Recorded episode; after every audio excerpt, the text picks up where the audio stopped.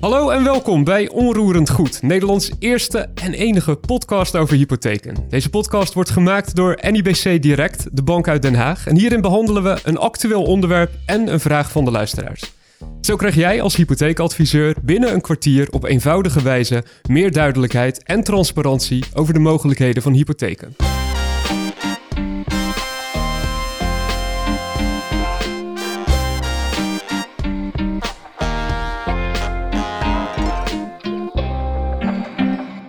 Mijn naam is Inge Jansen, freelance journalist. En in deze podcast van Onroerend Goed praten we over hypotheekaanvragen. Want hoe komt het toch dat sommige aanvragen wel en andere niet geaccepteerd worden door hypotheekverstrekkers, zoals NIBC Direct? Om daarachter te komen bespreken we de meest voorkomende oorzaken voor aanvragen die van de band vallen en geven we oplossingen. Als expert vanuit NIBC Direct is aanwezig Marco Waasdorp, sales manager retail banking. En naast hem zit hypotheekadviseur Wim Groenendijk. Beide zijn bovendien acceptant geweest en weten dus als geen ander waar hypotheekverstrekkers op letten. Marco Waarsdorp, voor de luisteraars links, voor mij rechts. Je bent sales manager retail banking. Dat uh, klinkt heel goed. Uh, hoe heb jij in die functie te maken met hypotheekaanvragen? Hoe ziet jouw werk eruit wat hiermee te maken heeft? Nou ja, de uh, retail manager banking, dat is eigenlijk een duurwoord voor accountmanager. Wat ik dus ben. En ik, vanuit mijn functie bezoek ik dus het intermediair. Door heel Nederland heen. En ja, probeer ik dus inderdaad relatie op te bouwen met intermediair. Um, en zij bij te staan als ze vragen hebben over bepaalde hypotheekaanvragen.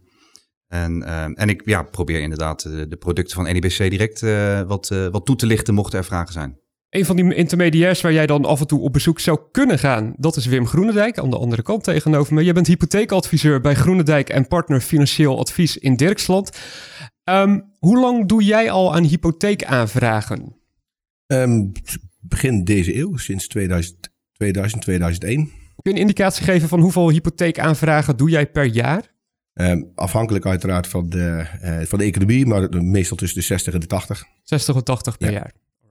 Met deze twee experts gaan we dus in deze podcast praten over uh, hypotheekaanvragen. Uh, en dan gaat het vooral om de afgewezen aanvragen. Hoe komt het toch dat soms dingen verkeerd gaan en wat kunnen we eraan doen om dat uh, te voorkomen?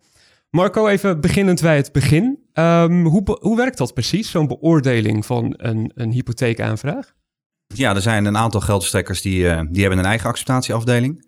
En uh, NIBC Direct heeft daar bewust voor gekozen om dat zeg maar niet zelf te doen. Maar we hebben een, een servicingpartij daarvoor uh, ingeschakeld. En dat is Stater in ons geval. Dus er zit bij Stater in Amersfoort zit een, een team van ja, ongeveer 15 man. Afhankelijk van de drukte en die houden zich specifiek alleen bezig met uh, de aanvraag en de verwerking van NIBC Direct uh, hypotheken. Ja, uh, een veel voorkomend probleem bij zo'n aanvraag is dat een dossier onvolledig is. Waarom is dat zo'n probleem als een dossier niet helemaal goed in elkaar zit? Nou, ten eerste is het zo dat wij hebben ervoor gekozen om een dossier alleen te beoordelen op het moment dat alle stukken aanwezig zijn. dus bij een compleet dossier, zoals dat heet. En dan gebeurt het natuurlijk wel eens dat een, ja, een dossier voor de helft compleet is. dus er zijn bepaalde stukken al wel aangeleverd en bepaalde stukken niet. En die stukken die wel al aangeleverd zijn, die worden dus pas beoordeeld op het moment dat die laatste stukken ook binnen zijn. En daar kan soms wel eens een aantal weken tussen zitten. En uh, hè, dus op het moment, je hebt een werkgeversklaring, die heb je al heel snel aangeleverd, maar het taxatierapport komt een maand later. En dan wordt die maand later, wordt ook pas die werkgeversklaring beoordeeld, die al een maand in het dossier zit. dit kost, en die, dit kost gewoon dan, heel veel tijd als, ja, er, als, als, als die dus niet klopt, ja, dan moet je dus weer een maand later, moet, je weer, moet de klant weer terug naar, uh, naar zijn werkgever om een aangepaste werkgeversverklaring aan te leveren. Um, wat zijn de meest voorkomende oorzaken als een dossier aangewezen, afgewezen wordt? Ja, als een, als een dossierstuk, uh, ja, als er iets niet goed is ingevuld. Uh, of um, als een, een tussenpersoon niet goed op de hoogte is van het acceptatiebeleid. Hè, dus dan, dat is natuurlijk zo bij tussenpersonen. Die kunnen uh, bij soms wel 20 of 30 geldverstrekkers uh, aanvragen inschieten. Zijn er bijvoorbeeld bepaalde objecten die wel of niet, uh, waar je wel een of niet een hypotheek voor kunt ja, krijgen? bijvoorbeeld ook inderdaad, om even een voorbeeld te noemen, een woonboerderij. wil NIBC direct absoluut wel financieren, maar er zijn een aantal type woonboerderijen waar dat wat lastiger is. als er bijvoorbeeld drie hele grote schuren achter staan en het perceel is heel groot en de schuren vaak in een wat minder goede staat, ja, dan zijn wij ja, minder geneigd om die wel om die te financieren. Maar zou jij, uh, wat zou je intermediairs aanraden qua waar ze minimaal, wat ze minimaal goed zouden moeten doen, waar ze op moeten letten als ze met hun klant praten over de aanvraag? Ja, nou wat heel belangrijk is, is dat uh, openheid van zaken. wees eerlijk. Hè? Je ziet nog wel eens, ja, vervelend genoeg, af en toe wel eens een, een, een, een tussenpersoon die ja, al dan niet bewust informatie achterhoudt. om zo te hopen misschien wellicht door het net of door de maas van het net te glippen. Wat voor informatie moet ik dan aan denken? Um, nou, bijvoorbeeld als je kijkt naar kredieten die klanten hebben. Hè, er staan natuurlijk veel kredieten staan in het BKR geregistreerd. Maar bijvoorbeeld een duo-lening, dus een, een studieschuld die een klant heeft opgebouwd. Ja, die staat niet in het BKR geregistreerd. En als een tussenpersoon ja, dat niet goed over doorvraagt, bijvoorbeeld bij zijn klant aan tafel. Of de klant, ja, die houdt bewust zelf die informatie achter. Dat kan natuurlijk ook, hè. Het hoeft niet aan, aan een tussenpersoon te liggen. Het kan ook de klant zelf zijn. Um, maar ja, als dat, dat krediet staat dus niet geregistreerd. En dat kan dan aan de hand van andere dossierstukken, kan dat eventueel aan het licht komen in een later stadium. En dat zou er dan voor kunnen zorgen dat zo'n aanvraag niet meer haalbaar is op inkomen. Omdat je dan gewoon wel een last mee moet nemen in de toetsing. Uh, is het ook zo dat als een intermediair met jullie, dat hij weet dat er een probleem is, uh, en dat hij dan van tevoren met jullie gaat praten dat daar nog iets in te wheelen en te dealen valt. In wat precies een probleem is en hoe dat opgelost kan worden? Ja, absoluut. Wel, daar zit ruimte in. Ja, absoluut. En dat vinden wij als geldstrekker ook alleen maar prettig als een adviseur uh, eerlijk is. En eigenlijk vooraf een, een, een, zaak die misschien eigenlijk niet zou kunnen op basis van de acceptatievoorwaarden en de normen. Maar uh, als hij dan ja, vooraf contact opneemt met ons en gewoon de zaak gewoon voorlegt bij ons, zodat we ernaar kunnen kijken. Dat vinden wij dan prettiger dan dat we achteraf achter zaken moeten komen. Wim Groenendijk, jij bent een van die aanvragers. Uh, om meer inzicht te krijgen in dat proces van aanvraag tot acceptatie, praten we met jou over jouw ervaringen als een aanvrager van hypotheken. Um, jij staat bekend, zo is mij verteld, als een adviseur die veel goede aanvragen doet. Um, maar overkomt het jou ook wel eens dat een aanvraag afgewezen wordt? Helaas wel. Um, maar goed, er zijn ook aanvragen die uh, uh, de geldverstrekker niet halen, omdat we dan zelf uh, vast kunnen stellen dat het gewoon niet haalbaar is. Of op inkomen, of, of dat mensen al een heel BKR-verhaal hebben, waarbij dat het, ja, blijkt dat er zoveel achterstandscoderingen zijn of meldingen zijn, dat het gewoon niet haalbaar is. Dan heeft het ook geen zin om hem alsnog in te dienen, want dat is alleen maar zonde van, van, van iedereen tijd. Maar gebeurt het ook wel eens dat je wel een aanvraag doet, maar dat het nog steeds niet lukt? Dat je hem toch terugkrijgt? Dat kan. Uh, als, als, als, ik, als, als wij als adviseur aan de klant vragen of daar uh, duo-leningen zijn, of, uh, of, of, leningen bij duo of bij, bij achterstandsmeldingen in de BKR, en die blijken er, mensen geven het niet op. wij als adviseur kunnen niet bij, toetsen bij de BKR. Dat is voor geldverstrekkers in, in banken. Dus dan kan het zijn dat we die, dat we die vol verrassingen terugkrijgen. Hoe, hoe voorkom jij dat, dat soort verrassingen? Heb jij daar een magische truc voor om met de klant te praten? Ik heb er geen magische truc voor, want als de klant het niet wil vertellen, vertelt hij niet. Nee, precies. Dan gebeurt er niet. Je hoorde Marco net uitleggen over hoe zij dit allemaal interpreteren, hoe zij ermee omgaan, die aanvragen. Is dat iets wat jij herkent of pak jij het heel anders aan jouw manier van aanvragen? Um, nou, ik kan niet voor de, de, de conculega's uh, spreken hoe, hoe zij dat doen. Maar um, wat Marco zegt qua eerlijkheid, dat, dat, dat klopt. Uh, en zeker bij NIBC is best, een, is best wat te bespreken. en dan is een verhaal vooraf beter uit te leggen dan dat je er achteraf mee komt van waarom heb je dat niet verteld. Dan sta je eigenlijk al 1 achter en de kans dat hij dan afgewezen wordt is groter. of alsnog wordt afgewezen dan dat je van tevoren hebt, hebt voorgelegd en dat men daarin mee kan denken.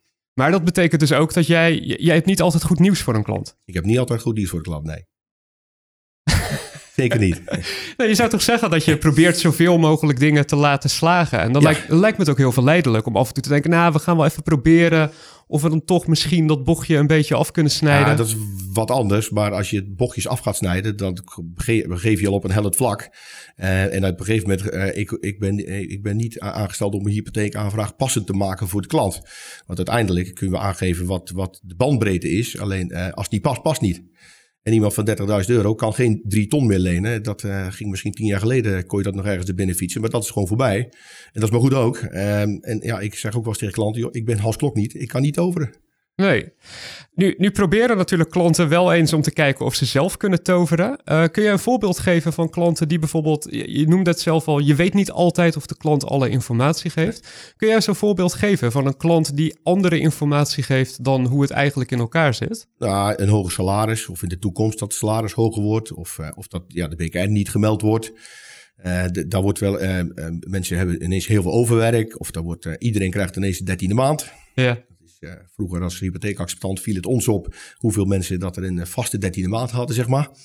Uh, terwijl wij die bij onze werkgever ook hadden. Uh, alleen daar was hij afhankelijk van de bedrijfsresultaten. En dat blijkt, toch een, dat blijkt dan toch ineens een stuk vaster te zijn. Zijn dat dan ook dingen waar je altijd op let? Dat je een soort interne check, checkbox in je hoofd hebt van dit is belangrijk, dit is belangrijk, dit zou mogelijk malafide kunnen zijn? Uh, ja, alleen een dertiende maand kunnen we ook niet checken. Kijk, dat zijn dingen die opvallen. En uiteindelijk dienen wij het in en is het aan de geldverstrekker om te beoordelen of zij het wel of niet accepteren. En ik zeg altijd tegen, ook tegen de klanten, um, geldverstrekker is geen basisverzekering, dus ze hebben geen acceptatieplicht. Dus als zij het niks vinden, uh, hoeven zij, als zij er een slecht gevoel over hebben, kunnen ze hem afwijzen. Ze hebben geen verplichting tot acceptatie. Marco zei net ook al dat het van belang is dat je de juiste hypotheekverstrekker kiest voor het juiste object. Hoe werkt dat bij jou? Heb jij gewoon in je hoofd voor welk pand kan ik naar welke hypotheekverstrekker toe? Enigszins, enigszins. Het is natuurlijk, uh, we werken ongeveer 20, 30 geldverstrekkers. Dus alle acceptatiecriteria uh, uit je hoofd kennen, dat, is, dat gaat hem niet worden. In principe beginnen we bij de rente. Daarna gaan we kijken naar de, naar de, de voorwaarden. past dit pand bij de nummer 1? Nou, past dat niet? Dan ga je zoeken tot waar je uitkomt en waar je hem uiteindelijk kwijt kan. Maar dat kan ook met, met het inkomen zijn, zelfstandig ondernemer of niet. En dan moet je proberen de juiste geldverstrekker bij de de juiste hypotheken bij de juiste geldverstrekker voor, die, voor deze klant te vinden. Als laatste over hoe jij werkt. Uh, Marco zei ook al van, nou, er zijn ook wel eens hypotheekverstrekkers die nemen even contact op om wat dingen te bespreken. Ben je dan ook iemand die de hele dag aan de telefoon zit met alle hypotheekverstrekkers? Om een beetje te praten, een beetje te levelen, een beetje vrienden te worden? Regelmatig. Regelmatig. Niet de hele dagen, maar uh, Klopt dat het komt wel eens voor. Ja, belt hij je vaak? Uh, Wim die belt mij nog wel eens, ja. En dan ook gewoon om half tien s'avonds. En dat is wel leuk, want dan zit hij bij een klant. En dan, uh, dan gaat mijn telefoon dan zit ik uh, tv te kijken. En dan, uh, ja, Mar, ik, ik, zit bij een, ik zit bij een klant. Dus dan houden we in ieder geval even het gesprek vrij kort. En dan stelt hij gewoon even een vraag om eventjes iets voor te bespreken. En dat, is, dat werkt wel heel fijn. En dat hij gewoon inderdaad heel snel gewoon duidelijkheid heeft. Terwijl hij zelfs al bij de klant aan tafel zit. Dus, en daar sta ik ook gewoon voor open om, om zulke soort gesprekken te voeren. Ja. Als afsluiting van de Onroerend Goed podcast behandelen we altijd een klantvraag. En deze luidt ditmaal: waarom wil de geldverstrekker toch zoveel gegevens over mijn inkomen? Marco, waarom? Ja, um, dat heeft natuurlijk te maken enerzijds met regelgeving. Uh, om een stukje overkreditering uh, te voorkomen. Dat je, wat Wim net al aangaf, hè, vroeger kon je met 30.000 euro kon je misschien drie ton lenen. Dat gaat tegenwoordig niet meer. Uh, ja, je moet er natuurlijk voor zorgen dat een klant uh, beschermd wordt uh, tegen zichzelf. Uh, want ja, die wil natuurlijk wel gewoon het liefst dat mooie huis hebben. Maar ja, als dat zeg maar op basis van zijn inkomen niet past, dan, dan zal je daar wel een stokje voor moeten steken. En ehm, ja, het inkomen wordt natuurlijk beoordeeld aan de hand van een x aantal gegevens om zo goed beeld te krijgen. Maar het is ook gewoon voor de klant zelf. Het is niet alleen voor de geldverstrekker natuurlijk om te kijken of we wel een zaak wel of niet willen doen op basis van het inkomen. Op basis van die regelgeving. Maar ook voor de klant zelf. Hè?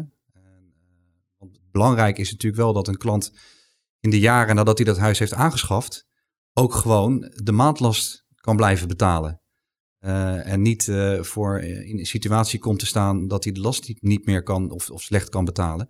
Waardoor uiteindelijk die paal in de tuin moet en ze het huis moeten verlaten. Dat, en daardoor willen wij als geldverstrekkers natuurlijk gewoon ja, behoorlijk wat gegevens hebben van het inkomen om dat goed te kunnen bepalen. Dat brengt ons bij het einde van deze editie van Onroerend Goed, de podcast over hypotheken van NIBC Direct. We spraken hierin over waarom sommige hypotheekaanvragen afgewezen worden en hoe je dat kunt voorkomen. In een notendop, weet waar je je aanvraag indient, wees zo transparant mogelijk, meld afwijkende zaken direct en bouw een vertrouwensband met je klant op. Hiervoor waren aanwezig Marco Waasdorp, sales manager retail banking bij NIBC Direct Hypotheken. En Wim Groenendijk, hypotheekadviseur bij Groenendijk en Partner Financieel Advies. Heren, dank jullie wel voor jullie aanwezigheid. Mocht je meer willen weten voor welke hypotheekaanvragen je bij NIBC Direct terecht kunt, kijk dan op www.nibcdirect.nl slash intermediair.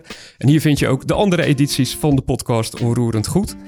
Um, we hadden het al even over. Jullie zijn altijd uh, bereikbaar voor uh, mochten er vragen zijn. Marco, stel voor, er zitten allemaal mensen die denken nu... oeh, die Marco moet ik uh, bereiken. Waar kunnen ze terecht? Mobiel nummer is 06 27 340 170.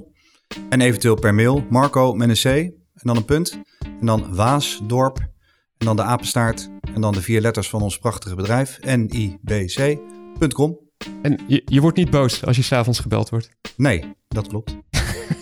Wim, durf jij toch aan om je contactgegevens te geven? Jazeker, eh, bij Volker overdag tussen 9 en 5. eh, 06 30 16 22 88. En eventueel eh, eh, e-mail info at groenendijk en partner.nl. Dank jullie wel. En namens NIBC Direct bedankt voor het luisteren en tot de volgende keer.